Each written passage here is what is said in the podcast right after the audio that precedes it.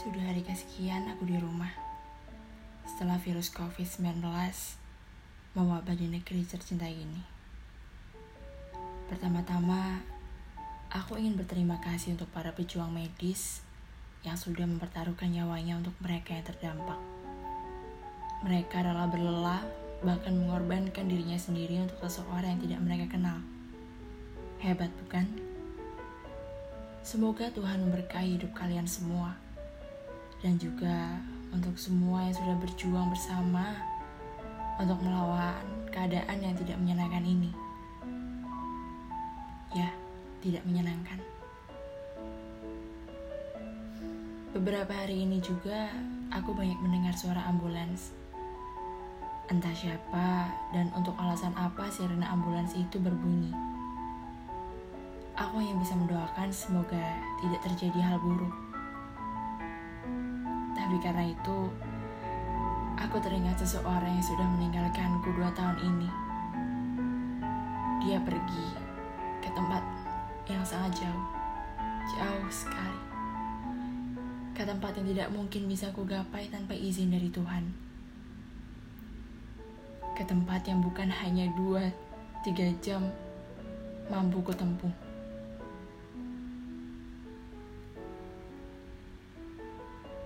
Aku hidup dengannya sudah bertahun-tahun, um, sekitar tujuh tahun lamanya.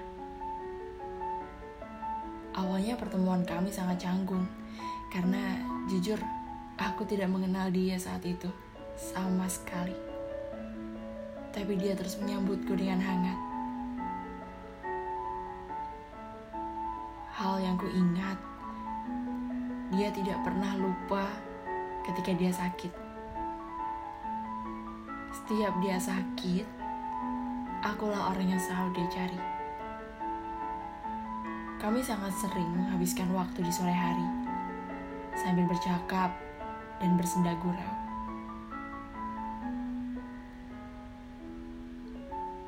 Ada satu hal yang pernah menjadi titik menakutkan bagiku untuk pertama kali.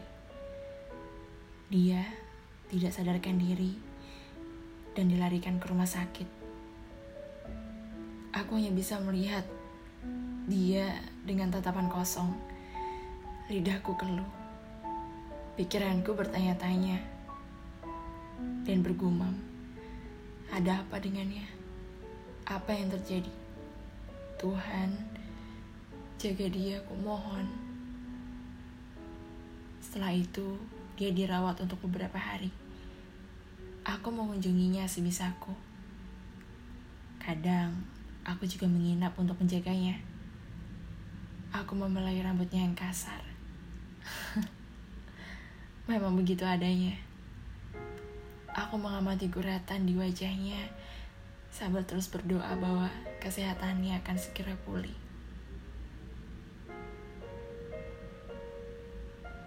Aku menyayanginya sangat, tapi tak pernah tersampaikan. Lalu waktu membuatnya membaik. Kita kembali menjalani rutinitas seperti yang sudah-sudah. Pernah suatu ketika kita berbincang. Aku menceritakan tentang masa depan, tentang mimpi-mimpi yang ingin kucapai, dan tiba-tiba dia berkata, Bagaimana kalau aku pergi lebih dulu? Boleh tidak? Aku sontak menjawab, Hah? Tidak, tidak boleh. Kamu harus ada sampai semua mimpi-mimpiku terwujud. Gak bisa dan gak boleh. Saat aku nikah, kamu harus ada. Janji. Sejujurnya, aku benci ketika membahas soal ini.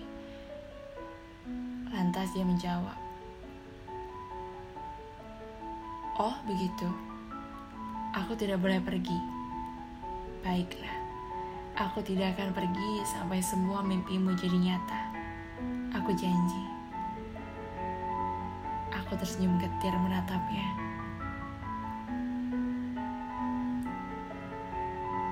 Berselang satu tahun, ternyata aku lah yang harus pergi. Aku harus pergi untuk mengejar impianku. Aku harus pergi meninggalkannya untuk waktu yang lama. Aku sedih walau tidak terlalu. Karena aku akan sering mengunjunginya. Pikirku. Tapi ternyata tidak semulus itu. Aku tidak cukup punya banyak waktu. Tahun pertama, aku bisa mengunjunginya sekali. Dialah satu-satunya alasanku untuk pulang. Kami bertemu. Dia sempat terkaget melihat perubahanku dan mengucap banyak doa untukku yang tentu saja aku amini. Lalu, tahun kedua, aku tidak bisa pulang karena beberapa hal. Tapi untunglah teknologi membuatku tetap bisa menatapnya walau tidak secara langsung. Dia menanyakan kepulanganku. Katanya dia rindu. Akunya bisa bilang, mungkin di tahun depan ya. Pokoknya jaga kesehatan. Dan sebelum genap tahun ketiga, aku mendapat kabar dia jatuh sakit dan kembali dirawat. Rasa gelisah terus saja menghantui. Aku terus saja menanyakan kabarnya. Bagaimana kesehatannya? Sampai pada waktunya dia harus dirawat di ICU.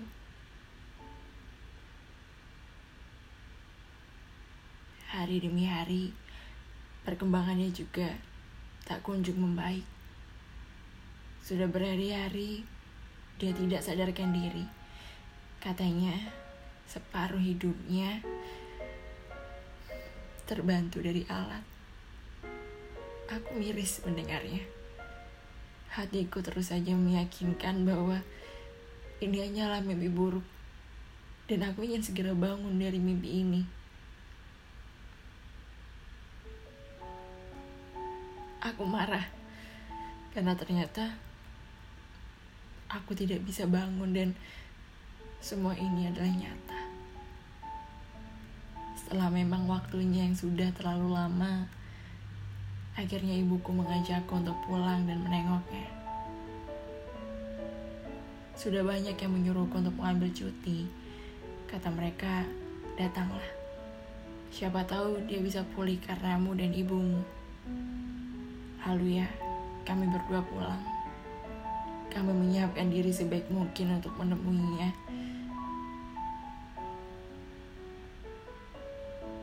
Aku menatap wajah ibuku.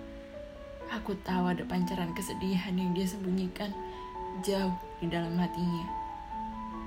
Karena memang seharusnya dialah orang yang lebih layak untuk bersedih daripada aku. Setibanya di rumah sakit, aku dan ibu masuk untuk melihatnya. Ku tarik nafas sedalam mungkin dan mengembuskannya perlahan. Rasanya aneh ada di kondisi seperti ini.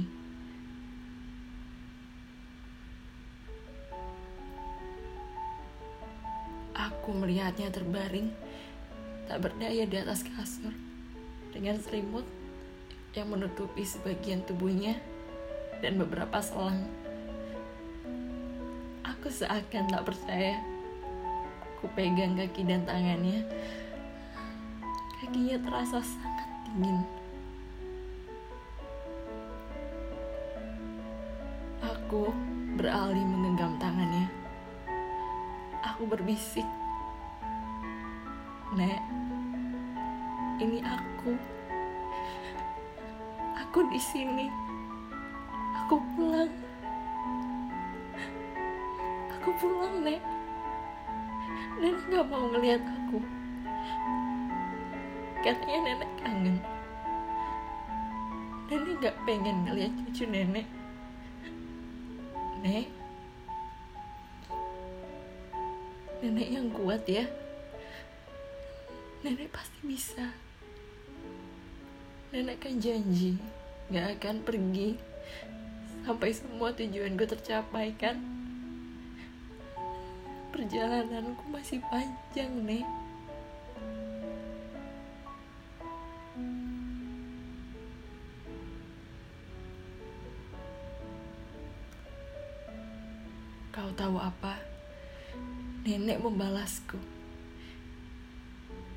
Nenek membalas genggaman tanganku. Dia mengeratkan genggamannya. Dia sempat menarik tanganku dan dan aku lihat ada air yang keluar dari sudut matanya. Dia sempat membuka mulutnya walaupun kesulitan.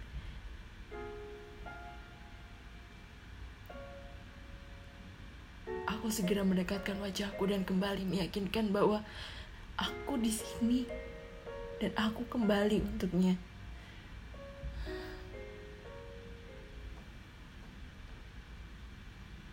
Semua orang melihat dan tercengang. Mereka mengucap syukur akhirnya nenek ada pergerakan. Lalu aku keluar dan mencoba menenangkan diri. Aku dan ibu menginap beberapa hari di sana dan tak mengapa. Kali pertama aku merasa sangat akrab dengan suasana rumah sakit.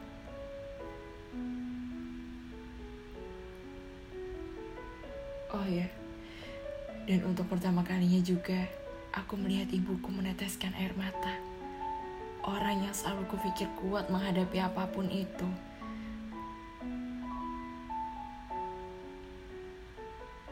Setelah itu kami pulang dan kembali dengan perasaan sedikit lega. Tapi tidak untuk waktu yang lama. Seminggu setelah aku berkunjung, nenek kembali pada kondisi terendah. Dan keluarga diwajibkan untuk memilih pilihan yang sulit sesegera mungkin dengan perbandingan 50-50. Kau tahu maksudnya bukan?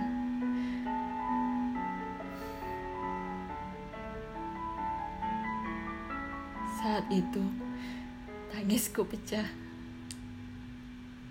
Di saat yang bersamaan, salah satu anggota keluarga aku menghubungi. Dia bercerita, dia mimpi kalau rumah dipenuhi banyak orang. Tapi hanya satu yang tidak ada di sana yaitu nenek.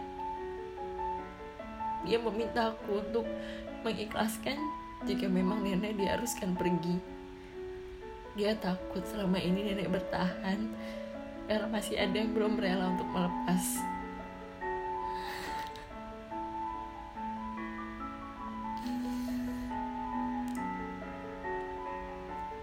Dan benar saja, tidak lama kabar datang bahwa nenek sudah tiada.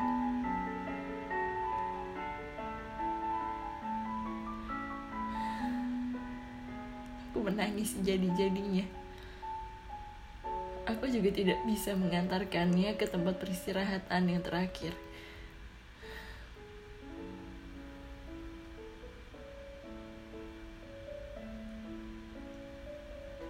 Pulang ke rumah dengan gontai dan melihat wajah ibuku yang sudah layu. Aku tahu ibuku habis menangis. Aku tahu dia terluka. Kami menghadiri pemakaman secara online. Menyedihkan bukan? Dan setelah dua tahun berlalu, kau tahu, rasanya aku tidak pernah benar-benar kehilangannya aku masih tidak merasa bahwa dia sudah pergi. Bayang tentangnya masih sangat lekat di pikiranku. Dan malam ini sepertinya aku menyadari bahwa itulah cinta yang sesungguhnya.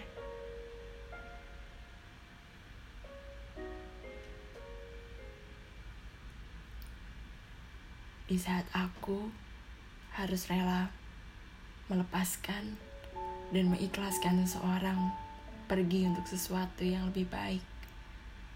Tapi jauh di dalam hati, dia akan tetap tinggal. Dia akan tetap hidup.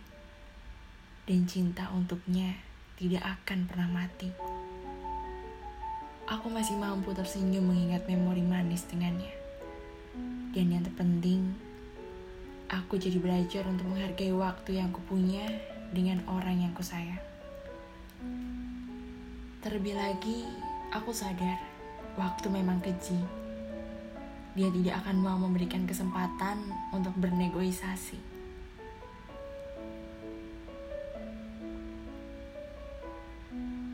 Bahkan memberikan waktu kita untuk sekedar mengungkapkan perasaan yang ingin sekali disampaikan, itu pun tidak bisa. Mereka bisa merenggut siapa pun yang mereka mau dari hidup kita, termasuk orang yang paling kita sayang entah kita masih bisa menemuinya atau tidak. Semuanya sama-sama menyakitkan. Mari merenung sejenak. Semua orang akan pergi pada waktunya. Dan aku harap kita semua bisa menggunakan waktu dengan sebaik-baiknya. Habiskan waktu yang dipunya untuk bersama selagi bisa. Dengan keluarga, dengan sahabat, dengan kekasih, semuanya.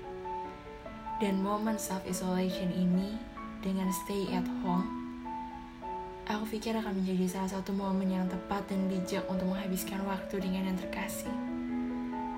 Terutama keluarga. Dan juga ini momen yang tepat untuk refleksi diri, menikmati rindu, bertemu dengan teman dan kekasih. Sehingga kita jadi lebih bisa untuk menghargai momen-momen yang sudah kita lalui.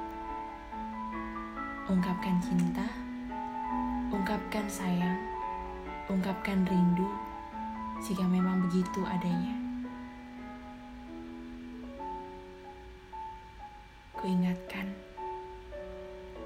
waktu kita terbatas. Jangan sampai menyesal.